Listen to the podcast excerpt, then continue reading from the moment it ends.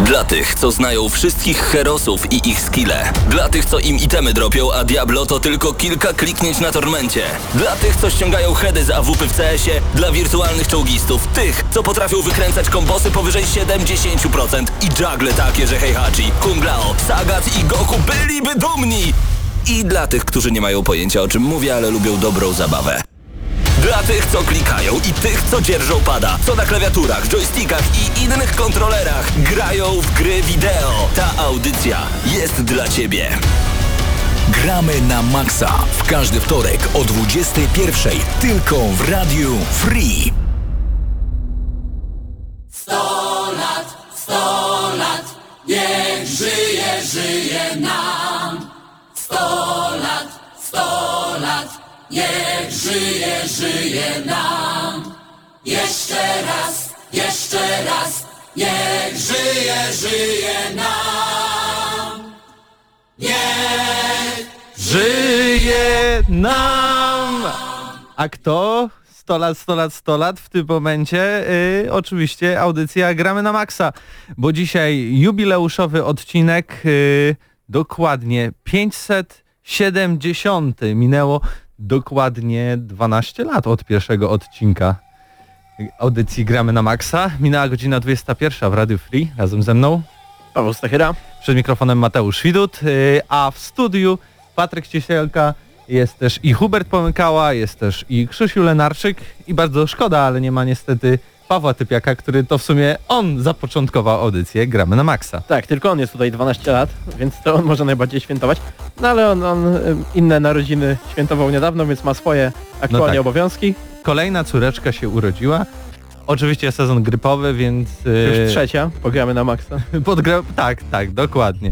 Eee, tak więc, no, audycja jubileuszowa, tak jak wspomniałem, 570 odcinek.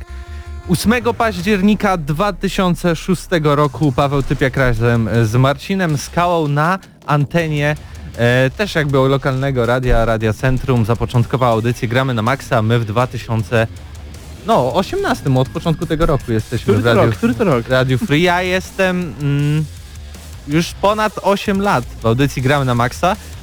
Ty Pawle, kiedy dołączyłeś? Pewnie nawet nie pamiętasz, to było tak Mi się dawno. wydaje, że tak jakoś ze dwa lata temu. E, przynajmniej tak już na stałe, bo pierwszy raz się pojawiłem 3 lata temu, ale wolę nie wspominać tego mojego tutaj Nie, no, no- krótkiego epizodu. No, zróbmy jednak takie troszeczkę Mhm. wspominki, no bo jubileusz należy się nam i wam. Dobra, no to, zacz, no to zacznijmy, zacznijmy wspominki. Ja opowiem o swoim pierwszym dniu Gramy na Maxa. E, przyszedłem zaproszony tutaj przez Huberta Pomykałę. Mm, miałem opowiedzieć o XCOMie 2. E, oczywiście nie będąc przyzwyczajonym w żaden sposób do takiego flow, jakie jest przy recenzjach, kiedy się z kimś rozmawia, no przygotowałem sobie tam wiadomo jakieś notatki na karteczce, byłem gotowy, żeby sobie tutaj e, przedstawić wszystko, co wiem na temat tej gry. Gdzieś tak po jakichś 20 sekundach mówienia zacząłem e, e, e, bo się zaczęły pytania ze strony Pawła Typiaka. Oczywiście pytania, które, które e, uderzyły mnie z zaskoczenia, bo nie miałem bladego pojęcia, jak mam mu odpowiedzieć na to pytanie. Mój umysł był całkowicie skupiony na tym, żeby przeczytać tą kartkę i przetrwać do końca. Więc z czerwoną twarzą jąkałem się tak, że ostatecznie tej recenzji nawet nie dało się mm, złożyć tak, żeby ją na YouTube'a wrzucić. E, Całkiem możliwe. Także ona, ona, ona w ogóle nie ma jej w żadnych archiwach i tak dalej. E, To było 9 na 10. A to była gra, jeszcze raz przypomnij? XCOM 2. XCOM 2, no tak. E, to faktycznie, nie tak dawno temu XCOM 2, ale wydaje mi się tak jakbyś był w Gram na Maxa już co najmniej 4 lata, czyli dwa razy więcej niż jak mówisz. No To, szes- to był e, luty 16 roku. Mm, no to, no to dwa. Dwa, dwa lata.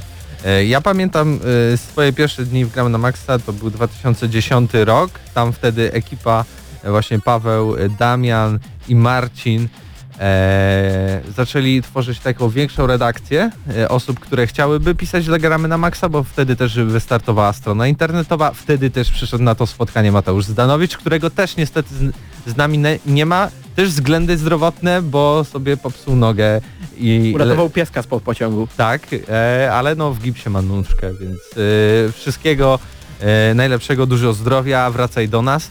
E, No i wtedy było takie zebranie osób, które chciałyby coś robić dla, gra- dla Gram na Maxa. Wyłoniono kilka osób, które później były testowane, jakby pisząc newsy i kolejne rzeczy na samej stronie. Mm, I chyba po pół roku pojawiłem się na pierwszej audycji Gramy na Maxa. E, nie wiem, czy wtedy nie wychodziła Mafia 2?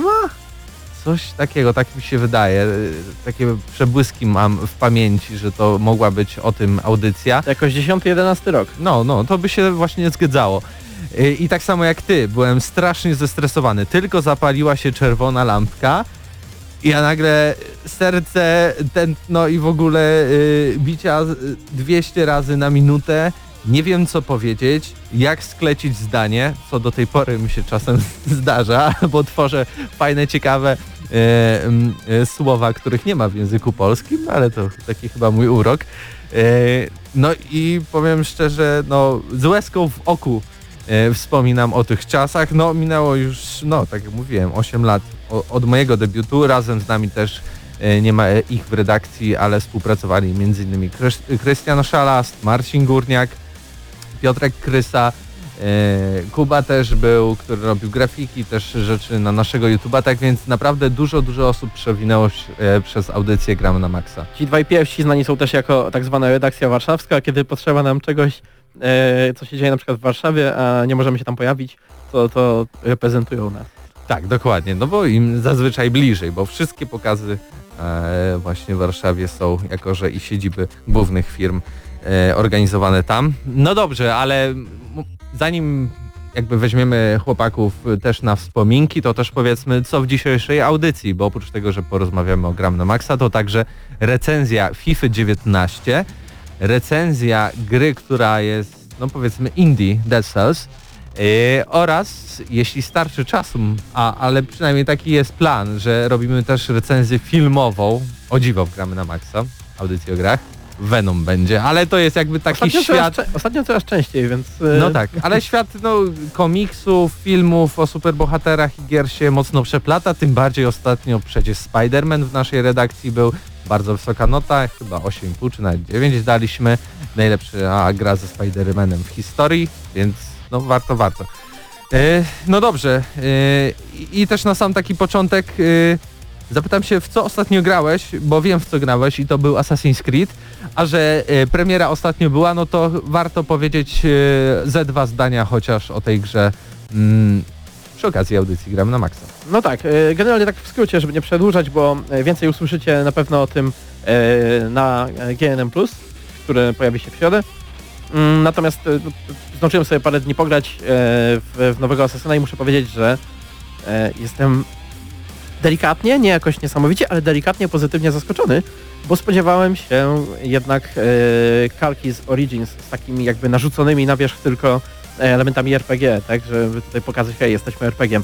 A tymczasem, no owszem, to nie jest jakiś tak powiedzmy, nawet jeżeli to RPG, to nie jest jakiś głęboki RPG, ale to jest naprawdę e, moim zdaniem dobry kierunek dla całej serii. To znaczy odejście troszeczkę od tego dziedzictwa tych asasynów, bo jednak mimo wszystko w Origins jeszcze było je czuć i pójście totalnie właśnie w takie rozwijanie tutaj umiejętności, w bicie się z potworami. E, Generalnie tam naprawdę nie czuć, że to jest asasyn. Momentami czułem, że to jest bardziej coś w rodzaju Wiedźmina, tak? Czyli takie, takie action RPG, tak? E, Albo, albo No tak, no bo po, pojawiają się elementy fantastyczne w postaci właśnie tych potworów, nie? Tak. E, no to jest, to jest, tak jak wspominałem też na plusie, to jest prześliczna gra. Ciężko mi jeszcze tak naprawdę powiedzieć o tym, co tam dalej jakby fabularnie, ale jeżeli chodzi o wygląd, to no nie było jeszcze tak ładnej Grecji. Tak jak nie było wcześniej tak ładnego Egiptu, jak w, e, w e, Origins. E, Też w Assassin's Creed 2 nie było nigdy tak, tak ładnego Rzymu, nie? Tak, no, mimo wszystko, niezależnie od tego, czy ta seria była na topie, czy jednak już podupadała, zawsze miała no, rewelacyjne otoczenie. W tym względzie ta ekipa, która się zajmuje tymi grami, no, ma, ma na pewno dobre zaplecze. Jedyne, na co mógłbym na ten moment trochę ponarzekać, to fakt, że jednak no, dialogi są strasznie sztywne, a te wybory takie bardzo iluzoryczne, bo tak naprawdę najczęściej mamy, jeżeli chodzi o opcje dialogowe, to mamy wybór wziąć zadanie poboczne czy nie. No ale to tak jakby czasami, czasami te mm, opcje dialogowe są tam chyba tylko po to, żeby być. One nie mają jakiegoś No zdecydowanie. No, naszej postaci. Tak? Często też są takie e, rozmowy, w których okej, p- próbowałem to na pokazie na Gamescomie, gdzie e, jakby prowadziłem rozmowę zupełnie w drugą stronę. Kończyło się w, w taki sposób, że i tak musiałem podjąć walkę e, z bandytami. I z drugiej strony też e, jeszcze raz zacząłem to zadanie i chciałem jak najbardziej załagodzić to wszystko i wyjść bez konfliktu, a i tak kończyło się na walce, więc to były Dokładnie. takie iluzoryczne wybory, ale na pewno to jest dobry jakby dobr, dobra droga, jaką powinien Ubisoft razem z Assassin's Creed kontynuować. Tak, to są na pewno pierwsze, widać, że to pierwsze kroki jakby w to terytorium takiego e, skręcenia w stronę RPG, tak? I, i no jeżeli, jeżeli pójdą dalej za ciosem, to myślę, że może z tego coś dużo ciekawszego wyjść, na przykład trójce z tej nowej trylogii, która pewnie będzie się odbywać w, w Rzymie. Więcej wrażeń Pawła e, oczywiście w naszym podcaście GNM+, który jutro zostanie opublikowany na naszej stronie internetowej Gramy na Maxa, jak i na naszym e, kanale YouTube, e, czyli youtube.com kośnik GNM Crew, albo wpiszcie sobie po prostu Gramy na Maxa. E, No a przed nami e, jakby kąsek e, największy tej audycji, czyli recenzja FIFA 19.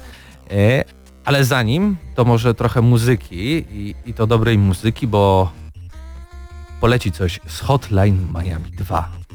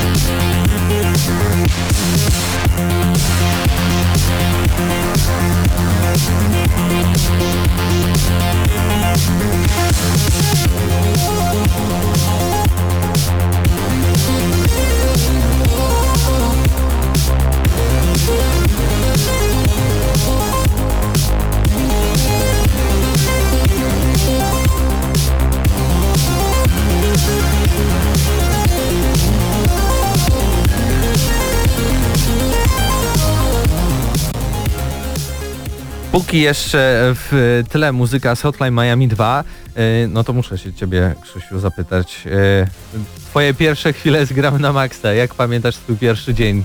Ale E, mówisz o audycji, czy ogólnie o poznaniu was jako redakcji, czy... Nie no, może, może audycję, ale to też dodaj. Bo, bo tak naprawdę poznaliśmy się w Padbarze przy okazji jakichś tam growych eventów i bardzo często gdzieś tam komentowaliśmy razem to, co oglądamy na żywo, na przykład E3. I no jakoś tak się przymierzałem do tego gramy na maksa, ale nigdy mi nie było po drodze. Aż pewnego dnia Paweł Typiak y, zaprosił mnie, że tak powiem, oficjalnie na audycję, bo jakby widział we mnie pewien potencjał. E, no i oczywiście pierwszą grą, którą zrecenzowałem była FIFA. E, z tego co pamiętam, no to była to chyba FIFA 16.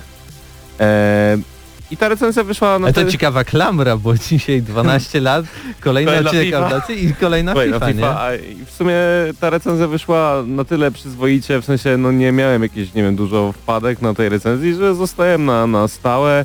Gdzieś tam się rozwinąłem e, w pewien sposób, jeżeli chodzi o audycję. Poznałem was wszystkich już no niemalże od, po, od podszewki, jak i całą tą kuchnię radiową i myślę, przyz- muszę przyznać, że jestem bardzo zadowolony, że trafiłem do, do tej e, redakcji, do tej rodziny, bo no, to jest coś, z czego się nigdy nie zapomni i tak naprawdę będąc w audycji można się tylko rozwijać, więc jeżeli gdzieś tam kiedyś planujecie przygodę Się z radiem, to, to może zaaplikujcie do gramy na maksa i skończycie tak jak ja. Zdecydowanie, no dla wszystkich chętnych, y, szczególnie osób z Lublina, bo tak też najłatwiej i, i współpracować, prawda, można przyjść do nas, nagrać podcast o grach, y, nagrać jakiś materiał wideo, jeśli to lubicie, możecie też wpa- wpaść na audycję, jeśli macie na przykład propozycję taką, jestem fanem na przykład Red Dead Redemption, jestem fanem y, Call of Duty, znam się na tym, świetnie gram co roku, no to jak najbardziej, to jest dla nas jakby wartość dodana. Bardzo chętnie takie osoby weźmiemy na recenzję. E, One powiedzą na przykład od strony e-sportowej, jak to wygląda, czy się coś zmieniło pozytywnego, czy No my negatywnego. lubimy zapraszać na, gości do... na do- przykładzie twoim to właśnie idealnie e, można zobrazować, że zostałeś zaproszony jako taka osoba ekspercka od FIFA I zostałem. no, i zostałeś już z gramy na maksa. No i ci- wprowadziłem na przykład, znaczy no udało nam się wspólnie wprowadzić, ale też w dużej mierze dzięki mnie właśnie te streamy, to wszystko trochę to posunęliśmy do przodu, nie? Przez te trzy lata. Zdecydowanie. I, i, I na przykład ja osobiście jestem z tego dumny, że to wygląda teraz jak to wygląda.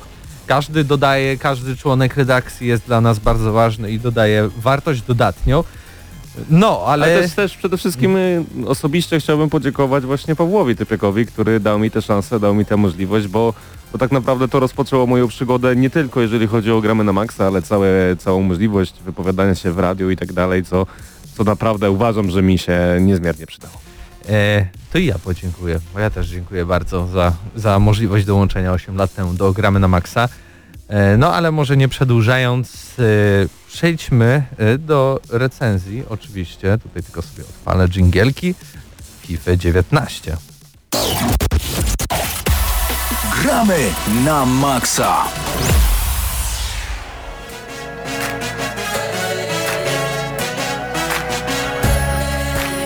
No i w Gramy na Maxa recenzja FIFA 19. Gra pojawiła się 28 września bieżącego 2018 roku na PlayStation 4, Xbox One PC, a jak i nawet na takich konsolach jak PlayStation 3, Xbox 360 y, czy też Nintendo Switch. Oczywiście wydawcą jest Electronic Arts.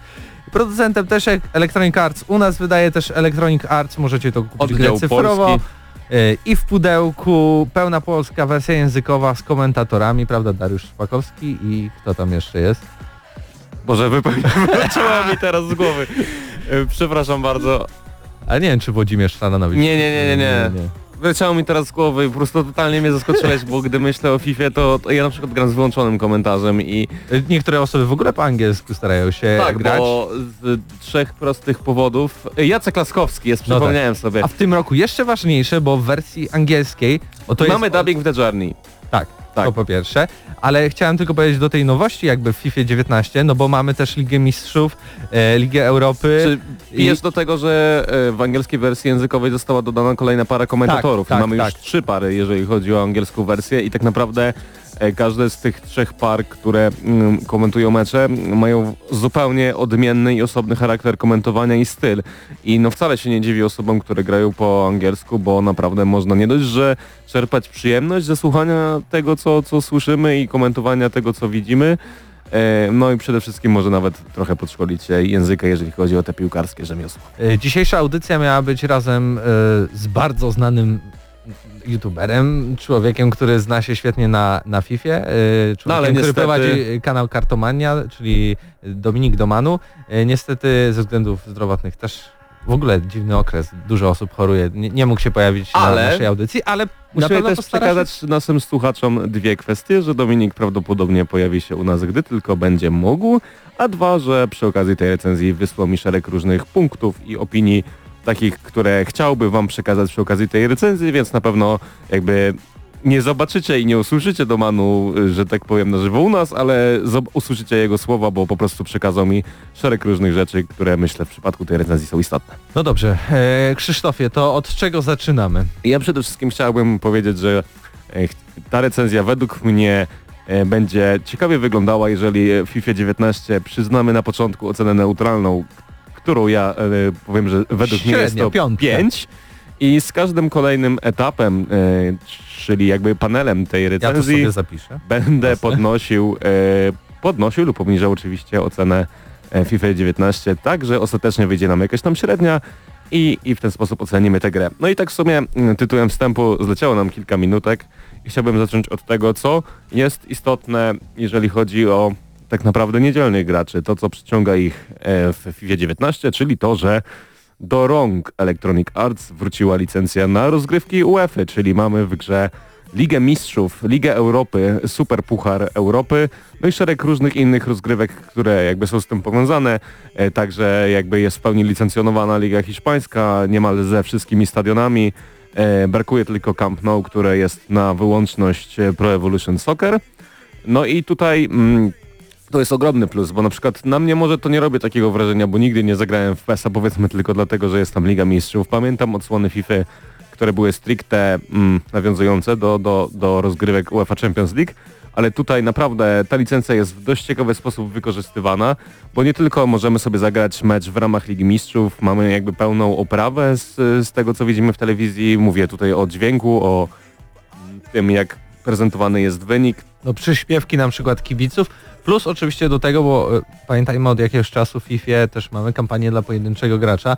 To może będzie spoiler albo nie, ale no e, Alex Hunter e, jakby mierzy do tego, żeby dostać się prawda, do Ligi Mistrzów, wygrać ją razem z Realem, do którego też chce dołączyć. No to też jakby urozmaica ten tryb The Journey, który no, moim zdaniem nie jest jakimś łakomym kąskiem, jeżeli chodzi o FIFA, ale o tym opowiesz ty, bo wiem, że jesteś wielkim fanem y, trochę później, ale wracając do licencji Ligi Mistrzów, to właśnie nawet w karierze po prostu, gdzie e, no, mamy animację, że jakby losują nam koszyki, pełną oprawę jakby graficzną nawet w samym trybie kariery, no możemy rozegrać turniej i tak dalej, no licencja jest także wykorzystywana w trybie Ultimate Team, gdzie, gdzie jest jakby szereg różnych kart wykorzystujących y, Ligę Mistrzów, czy, czy właśnie karty z dynamiczną oceną, czy karty zawodników w formie, czy po prostu karty zawodników występujących w Lidze Mistrzów. I to naprawdę wiele osób cieszy i z jakby, może z mojego punktu widzenia nie jest to taki istotny plus, że nie wiem, kupiłbym FIFA tylko dlatego, że jest Ligę Mistrzów, ale znam mnóstwo osób, które naprawdę na to czekały i, i z tego się cieszą i tutaj naprawdę e, ogromny plus dla FIFA 19, że w końcu się to Plus udało. jeden? Plus, plus jeden. Zdecydowanie e, cały punkt możemy za, za, za licencję w tym roku e, przyznać. Może jest lekki niedosyt z, z tej jednej kwestii, że li, licencje na Ligę Brazylijską nie są do końca zrobione tak jak być powinny, czy nawet reprezentacja Brazylii ma e, wygenerowanych zawodników z oryginalnymi koszulkami. E, nie ma także Ligi Rosyjskiej, która była bardzo popularna w karierze i w trybie Ultimate Team, no ale za samą Ligę Mistrzów, no wstyd nie przyznać oceny do góry. Jeżeli chodzi o The Journey, to już wspominałeś, że e, to jest e, No kontynuacja tej całej kontynuacja historii. historii? Alexa Huntera. W grze pojawia się polski dubbing, co jest jakby nowością, jeżeli chodzi o polską wersję językową. E, Bijemy się tutaj głównie o Ligę Mistrzów, ale także przede wszystkim e, mm, sterujemy trzema postaciami. Tak, możemy trybie. zamieniać między też e, Danim, e, Denim Williamsem i też siostrą Huntera, czyli nazywa się ona Kim. No i tak naprawdę możemy praktycznie w każdej chwili zamienić te postacie, ale sama gra też wskazuje, w których momentach to najlepiej zrobić. I z czego dobrze kojarzę, też jakby pojawiając się w tym realu, no bo tam zaczynamy jako taki nowy piłkarz, który musi się tam odnaleźć, e, na grupki się dzielimy tak naprawdę e, i, i jakby te grupy piłkarzy, z którymi współpracujemy, one są takimi mentorami dla nas. Więc y, na pewno są ciekawe rozwiązania, jeśli chodzi o ten tryb fabularny. Pojawia się też jakby taka retrospekcja, możemy zagrać dziadkiem Alexa Co Huntera. w ogóle wygląda niesamowicie i to chyba największy plus tego trybu z mojego punktu widzenia, bo gdzieś oczami wyobraźni wyobraziłem sobie jakieś mecze klasycznych drużyn, które by można przenieść i wydaje mi się, że coś w tym jest, że Electronic Arts jakby te smaczki w The Journey, które tam się pojawiają, właśnie takie różne z FIFA Street i tak dalej, powodują, że gdzieś w przyszłości, w następnych odsłonach będziemy mogli coś takiego zobaczyć. Ja bym tutaj po prostu dodał y, plus pół punkta, bo to jest utrzymanie dobrego poziomu, wprowadzenie kilku ciekawych rzeczy, no ale to nie jest, Nie jest nie jest czymś, Niesamowitego. y, czy, o, o co chodzi w FIFA? Ludzie nie kupują tylko po to, żeby zagrać w tryb dla pojedynczego gracza w FIFA, prawda? I, i, i teraz Znaczy, możemy... tryb pojedynczego gra dla pojedynczego Y, gracza, a kampanii. The Journey to jest Kampa- trochę coś kampanii innego. fabularnej. Nie, Tak. gracze nie kupują FIFA 19 dla kampanii fabularnej. Ale same pół punktu za to, że to w ogóle jest, bo równie dobrze mogłoby tego nie być i, i elektronicy Nikt- nie zaoszczędziliby może trochę pieniędzy, a przy okazji może nikt by No, nie płakał. Nie, no może by płakał, ale też y, nawet jakby tego nie było, to myślę, że i tak by gra się sprzedała dobrze, tak więc mamy w tym momencie 6,5 punkta. No i przejdźmy może do tego, co tak trochę tutaj wspominaliśmy, czyli o trybie dla, dla pojedynczego gracza i tutaj ym, w pewien sposób y, mam momenty w głowie, bo tak naprawdę jeżeli chodzi o karierę, czyli jeden z tych trybów w FIFA, który przez gracza jest najbardziej uczęszczany, prawie, że nic się nie zmieniło, bo no, trochę dodali cutscenek, jeżeli chodzi o e, o rozgrywki, to znaczy możemy poczuć większą imersję, że sterujemy danym klubem i tych kacenek jest trochę więcej, na przykład jak e, wielka gwiazda przychodzi do klubu, to wychodzi na scenę, podbija piłkę, pojawia się napis e, w danym języku z danego klubu, do którego ten zawodnik przyszedł, tam na przykład witamy Cristiano Ronaldo, jeżeli przejdzie do Zagłębia Sosnowiec, jeżeli ktoś ma taką ochotę, ja takie grafiki już widziałem. E, no ale szczerze powiedziawszy, sama Electronic Arts powiedziała, że im się trochę nie opłaca rozwijać trybu kariery, bo nie przynosi im to żadnego wymiernego e, zysku. Trochę im się nie dziwię, natomiast szkoda, bo ten tryb zawsze miał potencjał. Ja kiedyś, dawno, dawno temu bardzo lubiłem w to grać. Wiem, że bardzo dużo osób dalej gra w tryb kariery i z punktu widzenia takiego gracza typowo karierowego, który co roku kupuje FIFA, żeby sobie pomenedżerować, że tak powiem, to chyba najistotniejsza zmiana jest taka, że po sezonie pewna część pieniędzy przychodzi nam na następny sezon. To znaczy nie jest już tak, że jeżeli, e, tak jak właśnie Domanu, o którym wspomnieliśmy, prowadził serię na kanale e, Aleksandra i przechodził z najniższego szczebla możliwego FIFA do, do Premier League, to tak naprawdę ciągle miał budżet transferowy na poziomie drużyny czwartoligowej. Teraz jej wprowadziło pewne zmiany, że e, jakby no, gdy będziemy na poziomie Premier League, to nasz budżet transferowy pozwoli nam ściągnąć co najmniej kilka zawodników, którzy pozwolą nam się w tej lidze utrzymać. I z tego punktu widzenia jest to istotna zmiana i można tutaj przyznać mały plusik, natomiast wydaje mi się, że cała reszta, to, że, że ten tryb trochę już kostnieje i się nie zmienia, sprawia, że tutaj możemy przyznać pół punktu w dół, bo oczekiwałbym czegoś więcej i wydaje mi się, że prędzej czy później coś takiego nastanie, ale chyba w przypadku, w tym momencie, gdy dopiero Electronic Arts zmieni silnik gry na nowy, a to wydaje mi się, że pojawi się przy następnej generacji konsol. Czyli zostajemy bez zmian, jeśli Tak. chodzi. Pół w plus, pół minus. tak jest, zostajemy bez Czyli zmian. 6,5 nada. No to wiesz, co teraz czeka ciebie? Food chyba. No i to jest... Czeka mnie food i to jest tryb, o którym mógłbym mówić najwięcej, ale myślę, że na, naj, największym faktorem, największym czynnikiem tej recenzji będzie na, na pewno sama rozgrywka, e, o której powiem najwięcej. Będzie to jakby część końcowa recenzji, ale no przejdźmy do futa i tutaj szereg pozytywnych zmian. E, Naprawdę elektronicy postarali się, jeżeli chodzi o tryb e, FIFA Ultimate Team. I tutaj naprawdę gracze mogą być zadowoleni. Widać, że ten tryb przynosi, przynosi elektronikom jakoś tam, jakieś tam korzyści, bo ciągle starają się go rozwijać. I jedną z takich istotnych rzeczy, które, które pojawiają się w W19 to to, że zniknęły ligi online e, i zamieniono je na tak jakby, nie wiem, nie wiem jaki jest polski odpowiednik, ale po angielsku to jest Division Rivals. I to polega mniej więcej na tym, że na początku rozgrywamy 5 meczy, gdy, gdy założymy sobie klub, zostajemy zaklasyfikowani na pewnym poziomie, przydzieleni do jednej z bodajże 10 dywizji.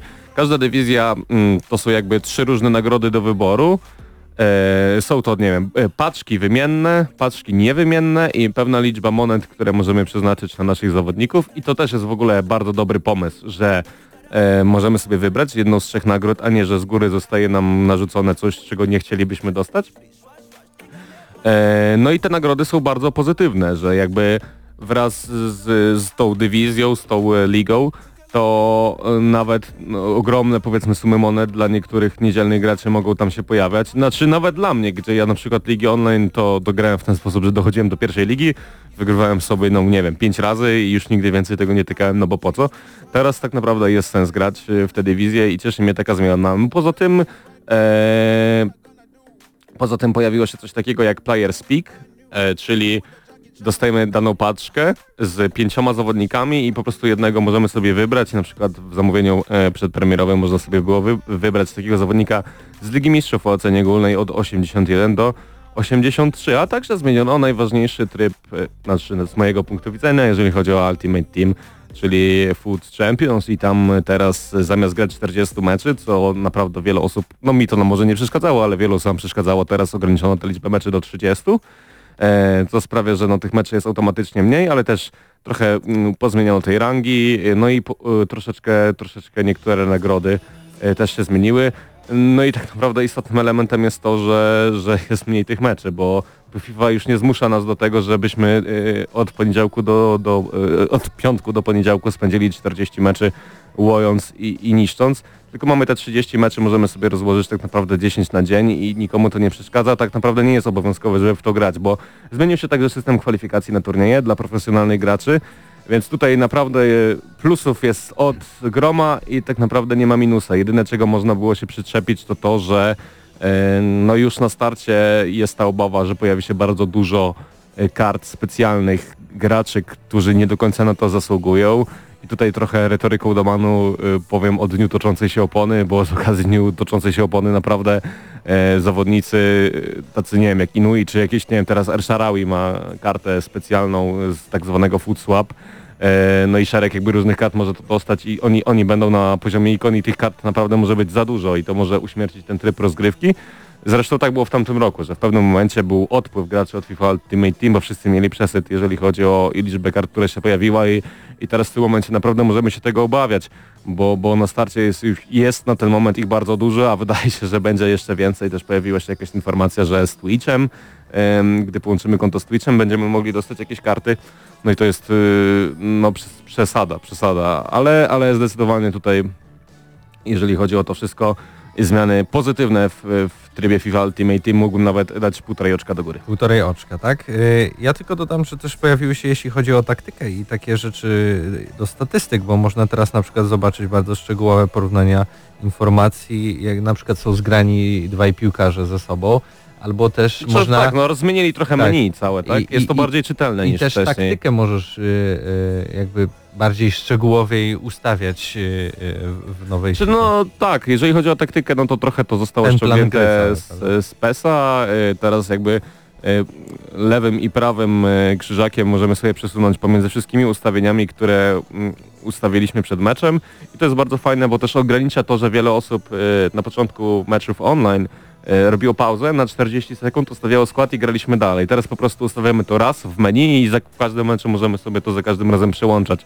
Więc jest to jakieś usprawnienie. Jeżeli chodzi o samą taktykę, no to mi się to podoba. Jest to trochę ściągnięte z PESA, ale w końcu ma to jakieś znaczenie. I te wytyczne i ta taktyka widzimy na przykład, gdy ten suwaczek tam pokazujesz mi na rzuty rożne, tak? Ale to na przykład działa, gdy ustawimy sobie na, je, na ten jeden z pięciu stopni, no, no to, czy z czterech, już nie pamiętam, e, to po prostu będziemy mieli bardzo mało tych zawodników e, w polu karnym, a gdy ustawimy sobie na maksa, no to będą prawie wszyscy i będziemy narażeni na kontrę. I bardzo fajna zmiana, czytelna, prostsza, ale zarazem dająca większe możliwości. No i teraz ten element, y, o którym najwięcej chciałem powiedzieć, mam nadzieję, że się wyrobię, to przede wszystkim rozgrywka. FIFA y, 19 ma problem y, ze swoją tożsamością przede wszystkim, bo z jednej strony y, wprowadzono szereg rozwiązań, które są wycelowane w graczy niedzielnych, a z drugiej strony y, próbuje się trochę robić tę grę pod profesjonalnych graczy. I tutaj pojawia się szereg różnych minusów, które się tutaj mm, objawiają niemalże w każdym meczu, bo z jednej strony mamy tryb strzelania na, na tak zwany time finishing, doskonałego wyczucia czasu, gdzie gdy klikniemy dwukrotnie, to ten strzał powinien być i idealny i powiedzmy za każdym razem powinna być bramka, a z drugiej strony dużo trudniej strzelić bramkę w sytuacji sam na sam z bramkarzem, niż na przykład strzelić strzał z 30 metrów, czy 20 kilku, czy przede wszystkim, co jest najbardziej irytujące i denerwujące i frustrujące moim zdaniem, z przewrotki. Gol z przewrotki to jest najczęstsza możliwa bramka, jaką zobaczycie w rozgrywkach online, szczególnie z rzutu różnego, ze środka boiska, z pola karnego. No zawodnicy się składają jakby każdy Cristiano Ronaldo. No, zawodnicy z polskiej ekstraklasy, nie no może nie będę obrażał, bo ktoś mnie tutaj posądzi i będzie pozew, ale chodzi mi o to, że naprawdę słabi zawodnicy, którzy przy przewrotce by się połamali, to to w FIFA strzelają ją za każdym razem i jest to okno. Jest to po prostu tragiczny element, który momentami dla mnie dyskwalifikuje tę grę. Jest moment... Y, gracze Pro Evolution Soccer śmieją się co roku, że FIFA to jest arcade, a PES to jest symulacja. No i w tym roku naprawdę muszę powiedzieć, że coś w tym jest, bo to jak futbol z Shaolin w FIFA 19 występuje, to jest po prostu coś niesamowitego. Jakieś takie dziwne podbicia, jakieś takie berkamp fliki dziwnymi zawodnikami, przewrotki, no po prostu cudawianki, to, to ja nie chcę tego widzieć. To może się podoba osobom, które, nie wiem, bawią się FIFA, ale dla mnie z osoby, która...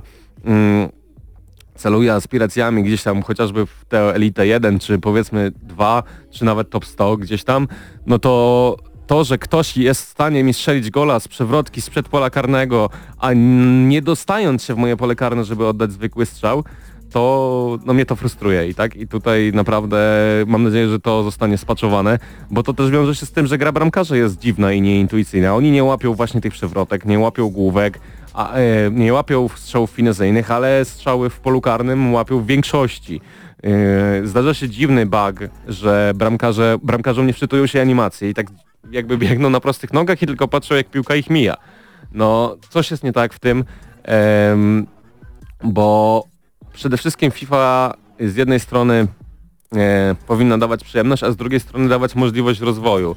I tak jak Domanu napisał w swoich wnioskach, że on zagrał x meczy i tak naprawdę nie czuje, żeby się rozwijał, bo, bo tutaj występują nieskończone ilości odbitek jakichś dziwnych, przypadkowych sytuacji, właśnie tych przewrotek, gdzie ktoś niechcący naciśnie strzał, zawodnik złoży się do przewrotki i, i, strzeli, i strzelą, strzelą nam ramkę, a także mnie na przykład denerwuje, gdy, gdy ja chcę wyczyścić strefę, zo, strefę obronną, chcę wybić po prostu piłkę, a mój zawodnik z automatu wybiera to, że on będzie wybijał przewrotką. No wyobrażasz sobie coś takiego, masz powiedzmy 1-0, yy, chcesz się bronić, zamurować bramkę, a twój obrońca postanawia wybić piłkę przewrotką i tracisz gola, bo źle ją zrobi. Wyobrażam to sobie, bo ja wiem, co chciało tutaj Electronic Arts zrobić. Trochę nie chciało pójść chyba w stronę w ogóle graczy, którzy mm, angażują się w esport y, całego, całe community y, FIFA, a dać chyba więcej emocji po prostu graczom, którzy lubią zagrać e, we dwie osoby na kanapie. Tak, lub dlatego też, też pojawiły się nowe tryby tak, kanapowe. Tak, lub też po prostu grać na komputer, na bota, prawda, z samym komputerem, bo wtedy ta przypadkowość i, i to, że dużo się dzieje na tym boisku jest bardzo fajna, bo się czujemy, że faktycznie e, coś ma miejsce, tak? Co, coś ma miejsce, jakieś ciekawe gole, ciekawe zagrania. E, tak jak wspomniałeś, właśnie można na przykład ustawić mecz, że tylko liczą się gole, które są strzelane z daleka, e, na przetrwanie, czyli na przykład kto strzeli gola, temu zabiera się przeciwnika, prawda, albo gramy do iluś tam goli, więc tutaj Electronic Arts mocno pokombinowało, żeby ta gra była bardzo atrakcyjna dla osób, które z kolegą y, na przykład siądą przed, y, przed telewizorem lub też nie mają tego kolegi i sobie zagrają z komputerem ale no coś za coś, jeśli balansują w tą stronę grę, no to w drugą stronę niestety to, to świadczy o problemach dla, dla graczy profesjonalnych, więc czy da się to jakoś y, wybalansować? Może tak, może jakoś bardziej oddzielić ja, ten food. Ja, ja, myślę, że, że łatki na pewno zmienią tę grę, ale też nie chcę oceniać właśnie tej gry, nie wiem, za pół roku, gdzie ona Bo teraz najwięcej osób gra. No właśnie i, i o to chodzi, że ja oceniam grę na stanie premiery. I, no aktualnie mamy 8, 8. No i tak, jeszcze chciałem powiedzieć, że z mojego punktu widzenia, jeżeli chodzi o gameplay, zdecydowanie najgorszą zmianą jest to, że dano komputerowej sztucznej inteligencji szereg różnych rzeczy, w bronieniu, bo, bo tak naprawdę komputer zagracza w tym momencie robi wszystko i wystarczy biegać środkowym pomocnikiem, nie tykać w ogóle tych obrońców i oni będą sami kontrolować strefę, sami będą odbierać, sami będą przechwytywać, a ty się będziesz cieszył, o zapatrz, mój obrońca zabrał piłkę.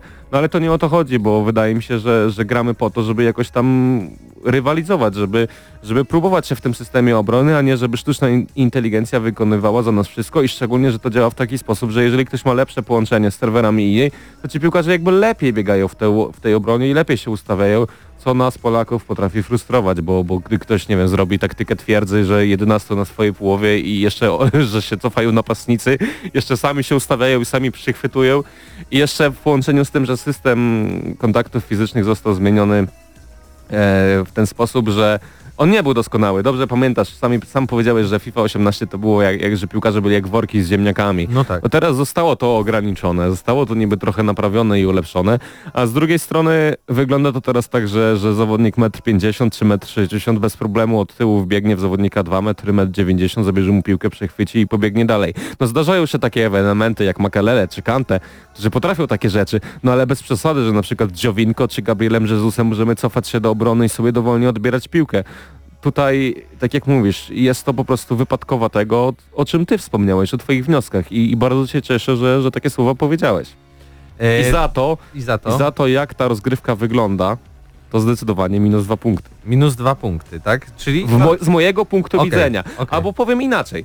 Dla gracza takiego jak ja, który ma aspiracje i celuje w profesjonalne Chce grać granie, e-sportowo, to jest gra na 6. Dla osoby, która chce pograć z kolegą przed telewizorem... to jest gra na 8. A to jest gra spokojnie na 8, więc e, no można samemu sobie wyciągnąć wniosek. W teorii to jest takie 7, prawda, jeśli wyciągniemy z tego jakąś średnią, ale ja bym nie wyciągał, bo to rzeczywiście są jakby Znaczy, dwa odmienne zupełnie ja style podejścia do, do tej gry. Też o 6 chciałbym powiedzieć z wielu powodów, że na przykład e, infrastruktura sieciowa ciągle się nie zmienia. Ja już w pierwszym Food Champions, z którym wbiłem tylko Elite 3, e, zostałem wyrzucony z serwerów Electronic Arts, co automatycznie przydzieliło mi porażkę, a wiem, że to nie było z winy mojego internetu, więc w tej kwestii w ogóle nic się nie zmieniło, więc no szkoda, bo, bo wydaje mi się, że jeżeli chodzi o online, to jest coś najistotniejszego.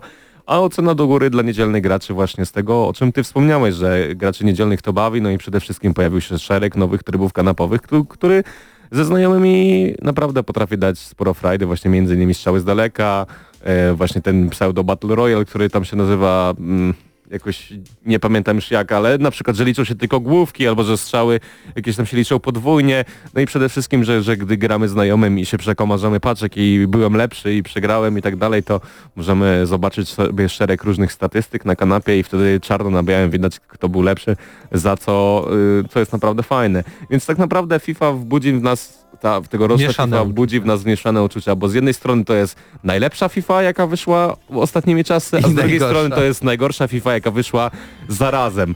I tak naprawdę ym, ja liczę na to, że jako, jako powiedzmy ten aspirujący gracz, że jeżeli chodzi o gameplay, to ta randomizacja gry, to ta przypadkowość zostanie zmieniona, że te wszystkie bugi zostaną naprawione i będziemy mogli się cieszyć rozgrywką, bo ta FIFA naprawdę ma szansę być dobrą grą. Ale na moment premiery, moim zdaniem jest to jeden z najgorszych startów dla takich aspirujących graczy, ale do takiego grania właśnie niedzielnego, do grania przyjemnego, do grania z komputerem, chociaż na wyższych poziomach trudności y, gra komputera to jest jakiś absurd i gra tylko na wrzutki, e, które też są bardzo denerwujące w tej FIFA, ale mimo to sprawia to sporo przyjemności, więc no, z którą oceną zostajemy, bo, bo czas nas goni. Ja bym po prostu powiedział, FIFA 19 wgrał na maksa, dla e-sportu będzie to 6, dla graczy niedzielnych y, będzie to 8. Więc no wyśrodkujemy na 7 No, no, i, i tak 7. zostanie. I bardzo dziękujemy Electronic Arts Polska za dostarczenie A także kopii do recenzji. Chciałem podziękować Domanu, który pomógł mi się przygotować do tej recenzji i za szereg różnych wniosków, które podesłał nam, o których mogliśmy Wam dzisiaj wspomnieć.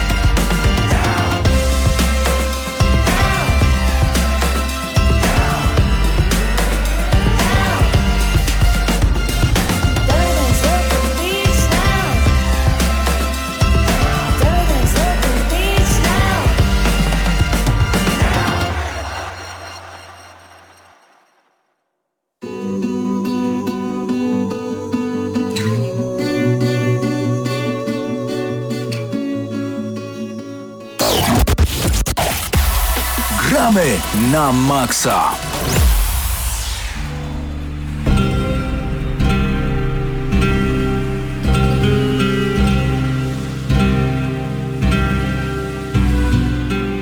To jest taka słowna gra, że Dead Cells w duszy gra. Przed siebie więc trzeba biec, by podróż poznać kres. Wszystkie zakamarki zwiedzić, swe postępy ciągle śledzić. Zanim zrobi się gorąco, sprzęt swój zmieniaj na bieżąco. Zdrowia swego pilnuj stale, aż po tę tronową salę. Wykaż odrobinę męstwa, będzie wielki smak zwycięstwa. Weź trofeum dla Herosa, które niesie dziewka bossa za pokonanie bossa. Tutaj oczywiście przysłał nasz słuchacz Paweł Doniec.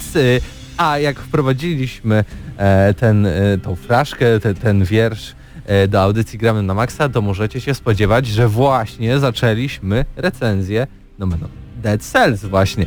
E, Gra pojawiła się e, 7 mm, sierpnia na PlayStation 4 PC, na Switchu i na Xboxie One. W Polsce w pudełku pojawi się e, 19 października, tak więc już e, w przyszłym tygodniu praktycznie, czy tam za, za niecałe dwa, e, będziecie mogli e, skoczyć do sklepów i, i, i sobie taką e, grę zakupić. E, Pawle, razem ze mną oczywiście Paweł Stachera e, w tej recenzji.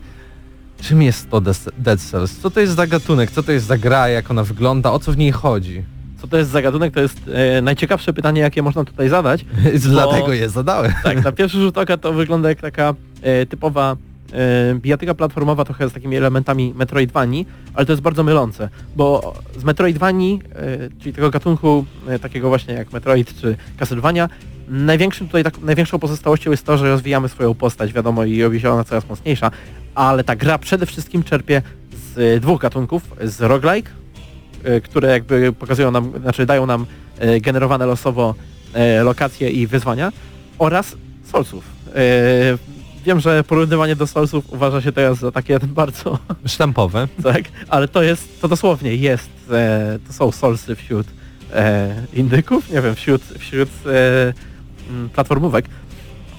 E, wścielamy się tutaj w więźnia bezgłowego, którego głowa przykleja się za pomocą jakiejś dziwnej e, mazi do, do ciała, e, który próbuje się wydostać z tego więzienia, nie za bardzo wie dlaczego tu jest, e, co tu robi.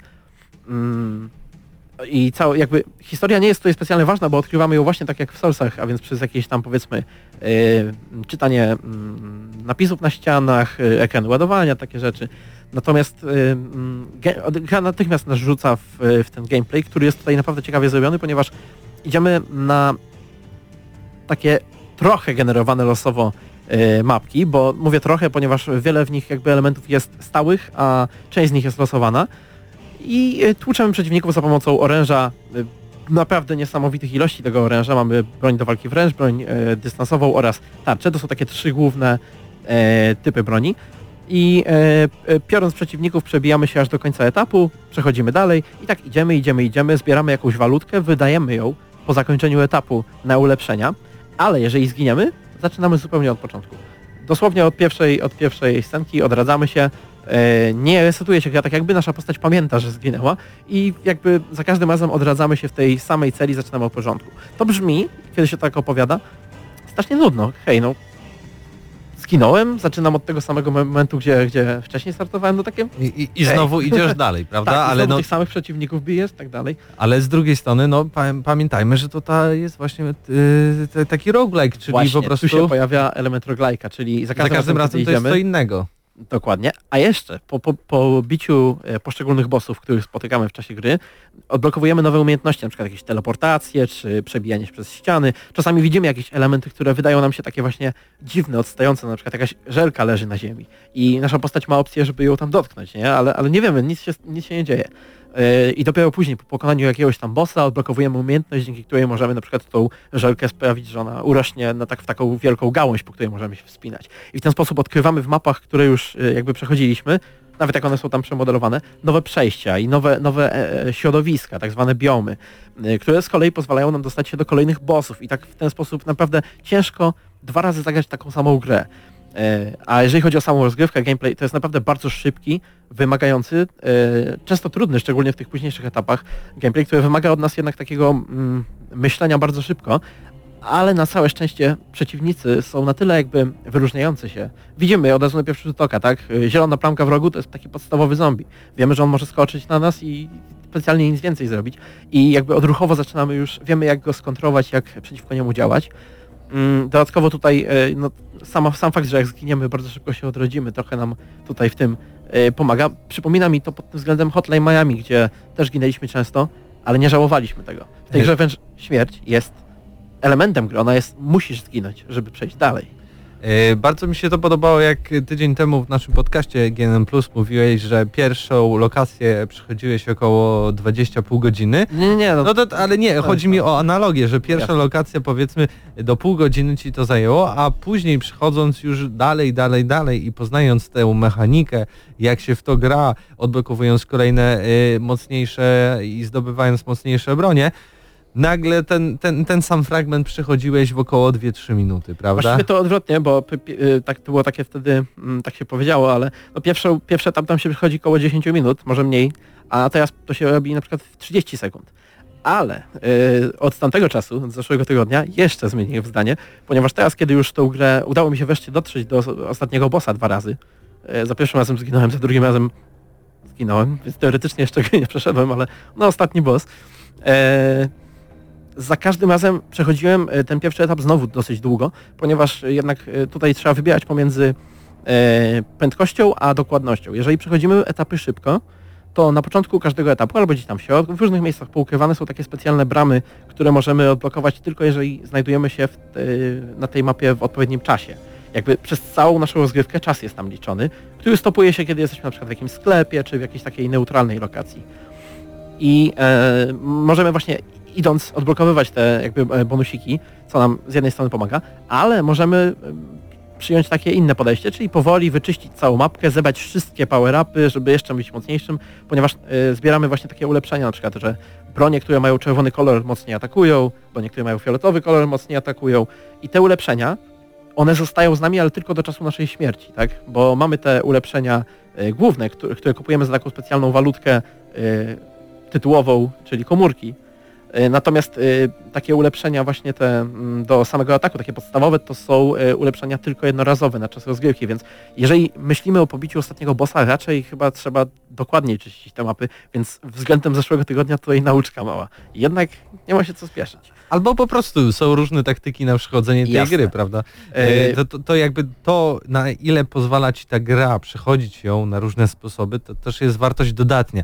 Razem z nami nie ma niestety Mateusza Zdanowicza, o tym już wspominaliśmy w audycji, Tak. ale bardzo chciał być na tej recenzji, bo dla niego to była w ogóle chyba gra 2018 roku, e, szczerze powiedziawszy, ale obiecaliśmy mu, że tutaj Pawle zacytujesz kilka fragmentów z jego recenzji, E, żeby jakby Właśnie dopełnić. Chcieliśmy nawiązać też do kontrowersji, bo nawet jeżeli nie słyszeliście o tej grze, bardzo możliwe, że słyszeliście o tej mm, aferze, która wynikła e, w okolicy jej premiery, kiedy to redaktor jednego z dużych dzienników e, zachodnich, growych, wspomógł się. No splagiatował Recen- tak, inną z- recenzję. recenzję- My recenzję nie będziemy plagiatować, my, My tu- cytujemy bezpośrednio za pozwoleniem, więc e, proszę bardzo, nie wiem czy tam masz wybrane. Oczywiście, na otwarcie mamy właściwie podsumowanie e, tutaj w jego recenzji. Doskonale zrealizowany model walki, przepięknie wykonana oprawa w stylu retro, e, odpowiedź na bolączki gatunku roguelike, Dead Cells ma to wszystko, a i więcej. I tutaj się zgodzę, bo ta, ta gra, e, ona, to jest więcej niż, niż jakby jesteśmy w stanie mm, wywnioskować z opisu, tak? Tą grę trzeba naprawdę zagrać. I jeżeli chodzi o granie, mimo, ja grałem na PC, ale mimo wszystko polecam, polecam pada. E, granie na klawiaturze nie było najprzyjemniejszym doświadczeniem. E, dopiero jak przesiadłem się na pada, to zacząłem jakby troszeczkę lepiej w to, w to grać. E, no jest, jest po prostu wygodniejsza, szczególnie, że no mówię, system walki jest bardzo podobny również do Soulsów ze względu na fakt, że mamy tutaj takie często małe pole, jeżeli chodzi o, o błędy. Nasze, nasze uniki i przewroty mają taki jakiś powiedzmy okres, w którym nie jesteśmy w stanie być uderzeni przez przeciwnika, więc musimy to wszystko jakby dobrze wyliczać. I jednak dokładniejszy tutaj będzie e, pad z gałką niż, niż e, klawiatura. E, tak więc może już e, podsumowanie i ocena. Co od ciebie będzie? Nie mów, że 12 na zacznę, 10. zacznę, od, zacznę od Mateusza Zdanowicza, bo on poprosił, żebym wystawił za niego ocenę. Rekomendacja, tak? Nie. Tak, od Mateusza Zdanowicza 10 na 10. Aha, 10. O, no, okej. I teraz tak, e, dla mnie to też jest gra roku. Dotychczas moją grą roku był e, God of War. E, Spider-Man był fajny, ale, ale, ale też nie, nie ten poziom. No i Dead Cells mnie przekonało. Jeszcze jak zacząłem w to grać tak naprawdę dwa miesiące po premierze, to czuję się oszukany wręcz, że nie, nie, nie mogłem jakby na premierę e, wiesz, tak na ślepo całkiem iść. No bo teraz już troszeczkę inaczej, e, kiedy już e, mniej więcej orientuję się, słyszałem też o co mniej więcej w tym chodzi. Ale to jest, to jest naprawdę, bo to nie, to nie jest też taka malutka gierka, że kupicie i wyrzucicie. To jest gra na przynajmniej 20 godzin. Tam y, naprawdę jest mnóstwo rzeczy do odblokowywania, y, mnóstwo... mm, mm, Duża, duża część gry jest do przechodzenia taką metodą i prób i błędów. Właściwie to jest podstawa rozgrywki, więc, więc na pewno też ona nie jest taka odrzucająco trudna. Można popełniać tutaj błędy, nawet trzeba i po jakimś czasie ta postać będzie na tyle silniejsza, że dacie się radę przebić przez różne etapy, nawet jak nie będziecie potrafić. Więc dla mnie no dla mnie będzie 9,5, głównie dlatego, że tam w środku gry, tak w połowie, to mniej więcej odczuwa się, że troszeczkę problemy są z pacingiem, z tempem, gdzie niektóre przedmioty odblokowujemy troszeczkę za długo. Wydaje mi się, że czasami tak wychodzimy tylko na taki grind, żeby zdobywać punkty. Czy ty chcesz Więc- zmusić mnie, żebym wystawił Tam- 9,75 Y, y, dziesiątych A, na, ty też na się 10? dobijasz do oceny, no dobra. Nie, nie, nie, nie, Bo- no mówię o Mateuszu z... Bo Mateusz Zanowicz dał 10, Tak, a ty ja dałem dajesz 9,5, a 9,75 jak już ustaliliśmy rok temu, dokładnie rok temu też też, 9,5. e, to jest y, dycha. Za, za, do góry zawsze zaokrąglamy. Więc No odgramy na maksa. dobra. 10 na Odgramy 10 na maksa. Dead Cells. Tak, Gra roku. gra roku, gra roku. Dla niektórych.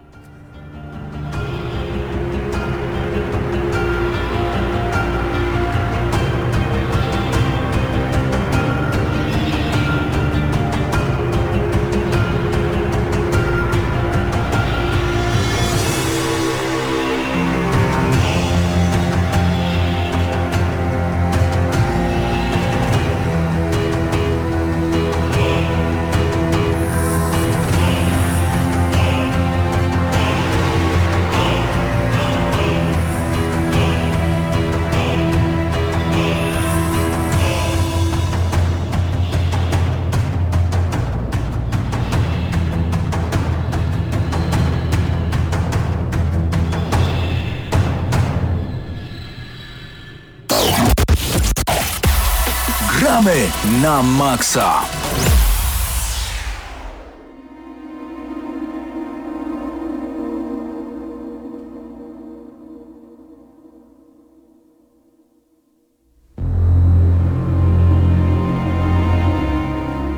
Klasycznie, zanim przejdziemy do recenzji Venoma e, w Gramy na Maxa, no to oczywiście e, w tej audycji porozmawiamy o waszych e, pierwszych dniach z, z tą audycją. Hubert zaproponowałeś, żeby nie liczyć e, w ogóle udziału w, w, Nie w, liczę godzin ni lat. w redakcji poprzez lata, a poprzez e, recenzję FIFA albo odsłony Assassin's Creed, chociaż ci przypomnę, że raz jednego roku Assassin's Creed To nie był, to było. był Assassin przestępny.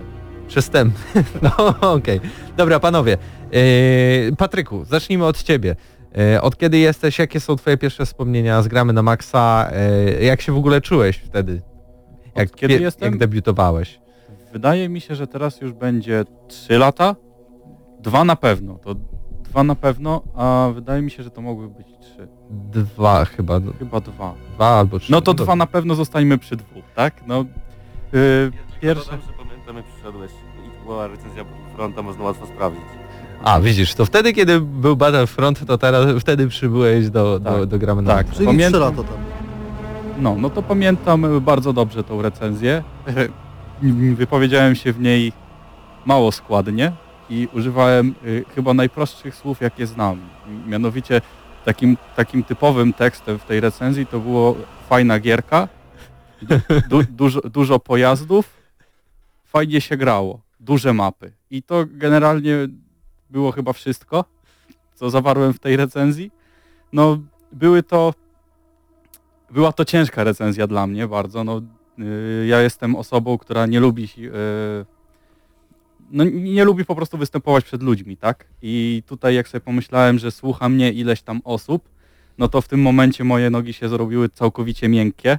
Latały mi na wszystkie strony, cały drżałem i no nie było kolorowo, nie było kolorowo. Tam. Ale to chyba klasycznie, chyba każdy tak miał. Hubercie, jakie są twoje takie pierwsze wspomnienia z gramy na Maxa? Co pamiętasz? Może, a może w ogóle nie pamiętasz całego okresu, jak odkąd jesteś w gramy na Maxa? Pamiętam wszystko bardzo dokładnie. Dołączyłem do gramy na Maxa w kwietniu 2015 roku. W przyszłym roku będą 4 lata. E, miałem nie mówić o latach, więc dołączyłem do gramy na Maxa Będą jakieś czte- cztery 7, FIFA temu. 7 recenzji FIFA temu, ponieważ jeszcze były wersje na Switcha i, i inne i jeszcze update'y i z 8 recenzji Assassina temu. E, I ja byłem, miałem być dziennikarzem muzycznym konkurencyjnego radia, bo gramy na Maxa było przez wiele lat w innym radiu nadawane. No niestety nie szło mi to za dobrze. Prawdę mówiąc byłem akurat na liście do wyrzucenia w tempie natychmiastowym i wracając kiedyś samochodem usłyszałem recenzję em, Project Cars pierwszego i tam w recenzji był Marcin Górniak i chyba Krystian Szalas, nie jestem pewien i zarówno spodobało mi się, że ktoś mówi o grach w audycji, ale też nie spodobało mi się, że y, ktoś powtarza w kółko creme de la creme. Marcin Górniak powiedział w recenzji creme, creme de la creme trzy razy i zastanawiałem się o co mu chodzi. E, No, że takie dobre, takie pyszne te gierki są. tak. I zorientowałem się, że tam szefem gramy na Maxa jest Paweł Typiak, ja go nie znałem, ale z racji tego, że byłem na wylocie, to mówię, okej, nic mi nie, nie stoi na przeszkodzie, napisałem do Typiaka, on powiedział, w porządku, no to przyjdź za tydzień, nawet nie wiedziałem, co mam robić, byłem trochę zestresowany. Powiedział mi, no to masz pół godziny, przygotuj sobie jakieś tam newsy i od razu wejdziesz na antenę i zobaczymy, czy sobie dasz radę. No i dałem radę. Co prawda Mateusz Widut i Mateusz Zanowicz byli wtedy ze mną e, na tej e, recenzji, znaczy na tej audycji i obaj stwierdzili, że nie dam rady i nie zostanę. I tak jakoś zostałem. Kilka miesięcy później przyszedł Krzysztof Lenarczyk i, i chwilkę później Patryk Ciesielka. Czyli w aktualnym składzie GNM-u jestem osobą z, nie licząc zdania oczywiście, z, z trzecim największym stażem na tej zasadzie, mimo że ten staż jest bardzo zbliżony e, do, do siebie. E, tak. To, to, to wszystko, tak? Znaczy, Nie no, no, piękna historia. e, pamiętam, że opowiadałem, że jednym z newsów, który czytałem, był news dotyczący tego, że e, film na podstawie Metal Gear Solid ma powstać. Nadal nie powstał. Więc temat jest nadal aktualny. Temat i, świeży. i tak, i, i pamiętam, że to był, był moment, w którym rzekomo film znalazł, nie pamiętam, scenarzysta albo producenta i, i ten scenarzysta albo producenta zasłynął, o ile się nie mylę, e, jakimś niskobudżetowym filmem, w którym występowały zarówno zombie, jak i dinozaury. Także byliśmy wtedy bardzo zainteresowani taką wizją. Nie wiem dlaczego w ogóle rozmawiamy o tym na, na podkładzie z Venoma, dlatego zmieniłem teraz muzykę na jakąś bardziej taką przystępną do historii nostalgicznych, a nie bardzo mroczną, Nie, no która kojarzy się z... Nie, nie jest z... specjalnie nostalgiczna ta historia Nie, no, na szczęście. Wiesz, no, przynajmniej coś fajnego, energicznego, śmiesznego, prawda? E, I No. jak się wi- widzisz w gramy na maksa?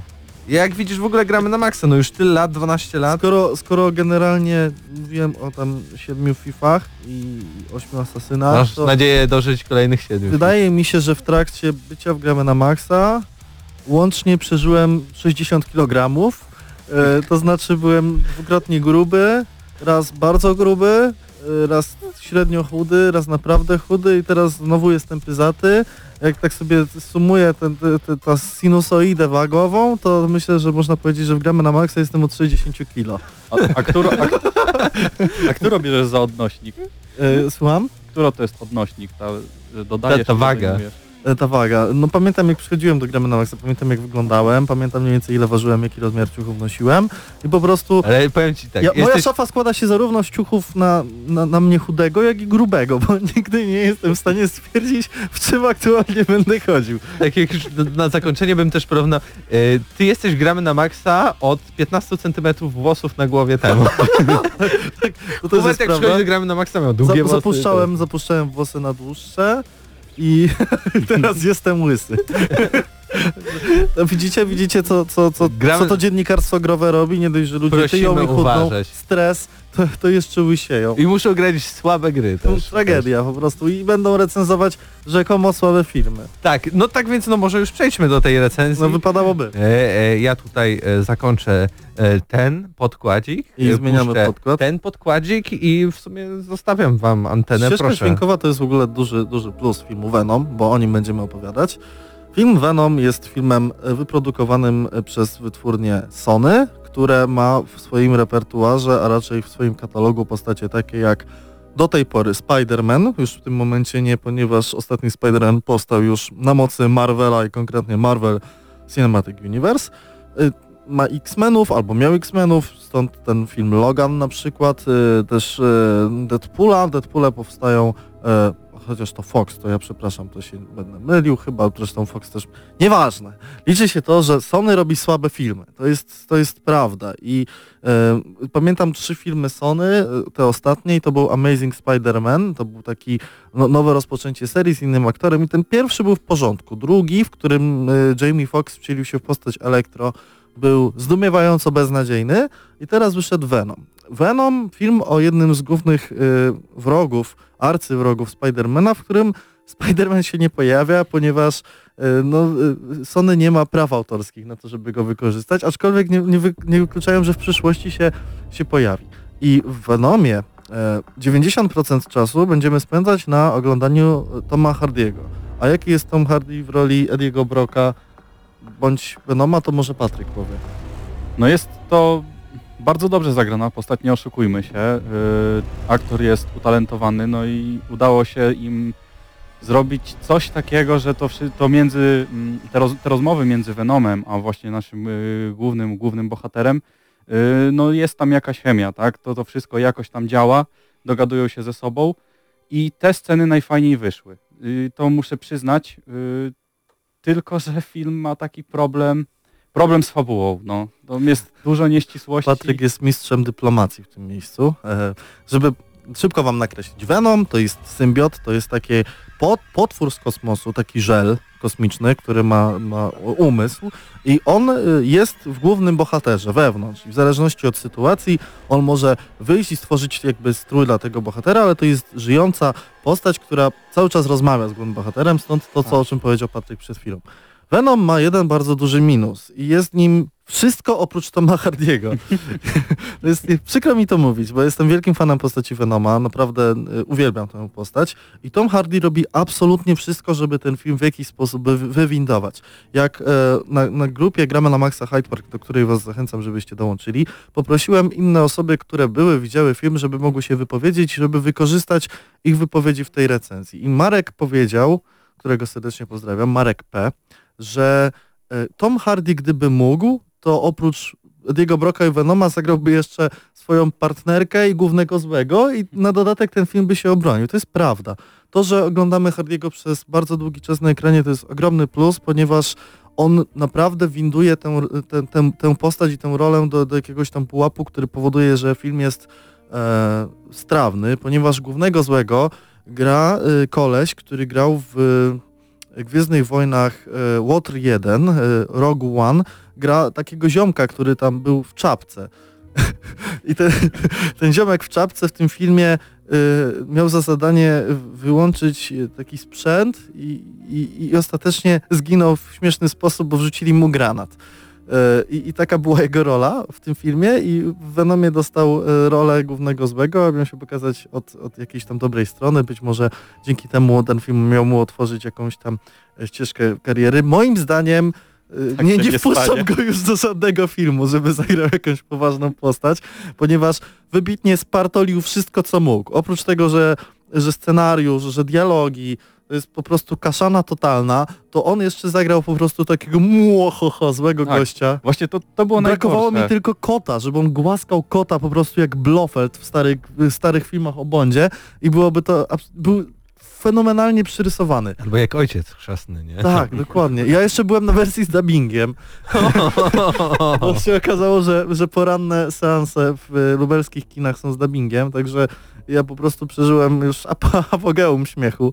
Mm, I śmiechu w tym filmie jest dużo. Venom by się wydawał, że to jest postać mroczna, ponieważ Venom się w tańcu nigdy nie cyrtolił i to była postać, którą Spider-Man naprawdę miał duży problem w komiksach i w serialu animowanym, który na pewno wszyscy pamiętacie. E, I on był taki, że no, odgryzał chociażby głowy e, swoim przeciwnikom, ten Venom, bo on był, był żarłoczny i był zły. Natomiast e, film został stworzony trochę w takiej konwencji komedii i szczerze mówiąc te elementy komediowe to jest chyba największy plus.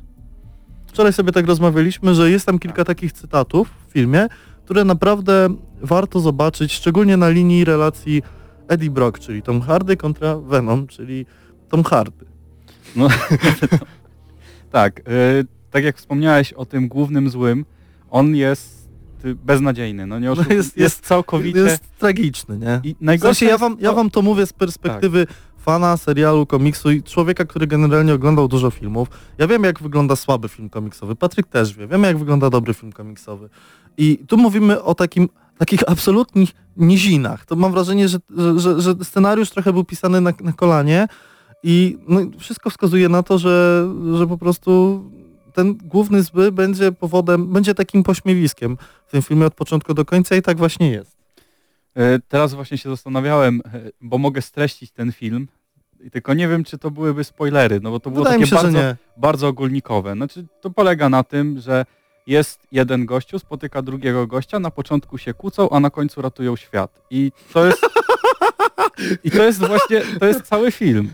No to, to było, to Halo, było, spoiler ale- alert. tak, to jest, to jest generalnie absolutnie e, fantastyczny opis. I Zgadza świetne się. podsumowanie filmu tego. Świetnie podsumowanie filmu. Już przechodzimy do oceny. E, słuchajcie, jeśli chodzi o Venoma, jeśli, jesteście fanem e, tej postaci wykreowanej, to warto pójść z kilku względów, bo tak zwane CGI, -e, czyli, czyli sceny, e, jak to się nazywa, wykreowane komputerowo nie są takie złe. Sceny walki są w porządku, sceny na przykład ucieczki i, i, i pościgów też są zrobione w porządku, mimo że montażysta po prostu chyba dostał trochę za mało dolarów, bo w kilku momentach filmu absolutnie, totalnie widać, że na motocyklu ucieka kaskader, a nie Tom Hardy i widać centralnie jego twarz i to powoduje zażenowanie na twarzy naszej jako widza. Natomiast y, ja się bawiłem dobrze, bo nie oczekiwałem zbyt wiele, dostałem w zasadzie trochę więcej niż oczekiwałem, ale nadal, nadal słabo i moja ocena jest pozytywna.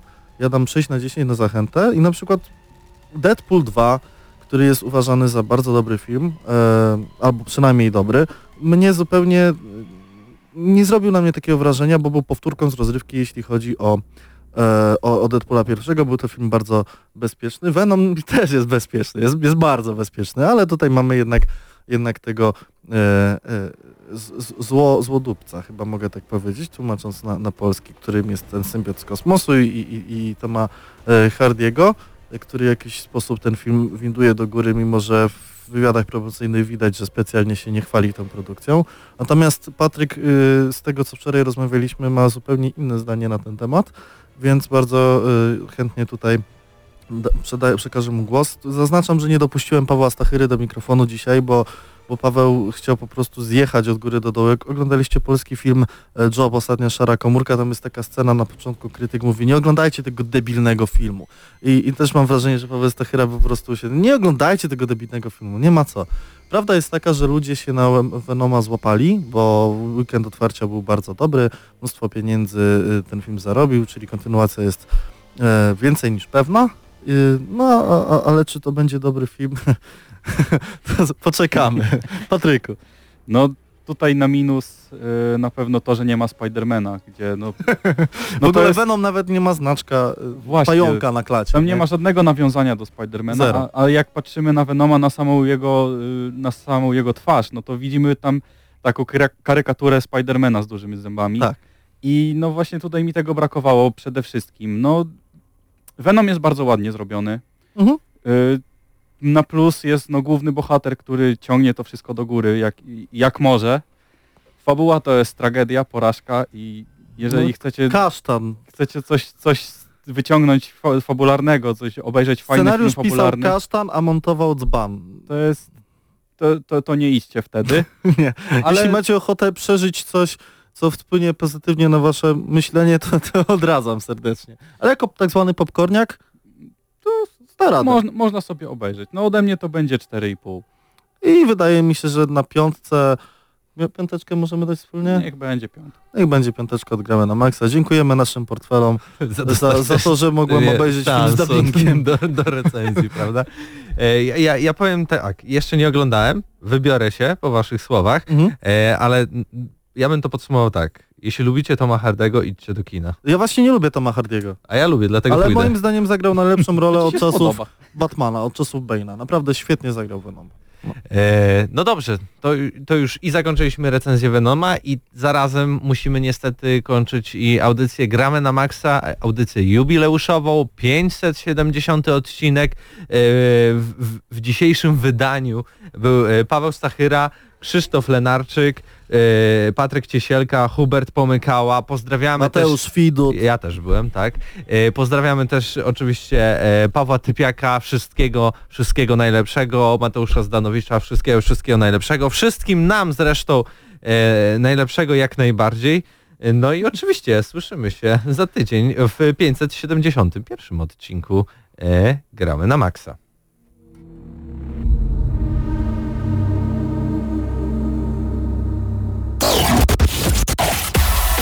Gramy na maksa. Dla tych, co znają wszystkich herosów i ich skille. Dla tych, co im itemy dropią, a Diablo to tylko kilka kliknięć na tormencie. Dla tych, co ściągają heady z AWP w CS-ie. Dla wirtualnych czołgistów. Tych, co potrafią wykręcać kombosy powyżej 70% i juggle takie, że Heihachi, Kung Lao, Sagat i Goku byliby dumni. I dla tych, którzy nie mają pojęcia o czym mówię, ale lubią dobrą zabawę. Dla tych, co klikają i tych, co dzierżą pada, co na klawiaturach, joystickach i innych kontrolerach grają w gry wideo. Ta audycja jest dla Ciebie. Gramy na maksa w każdy wtorek o 21.00 tylko w Radiu Free.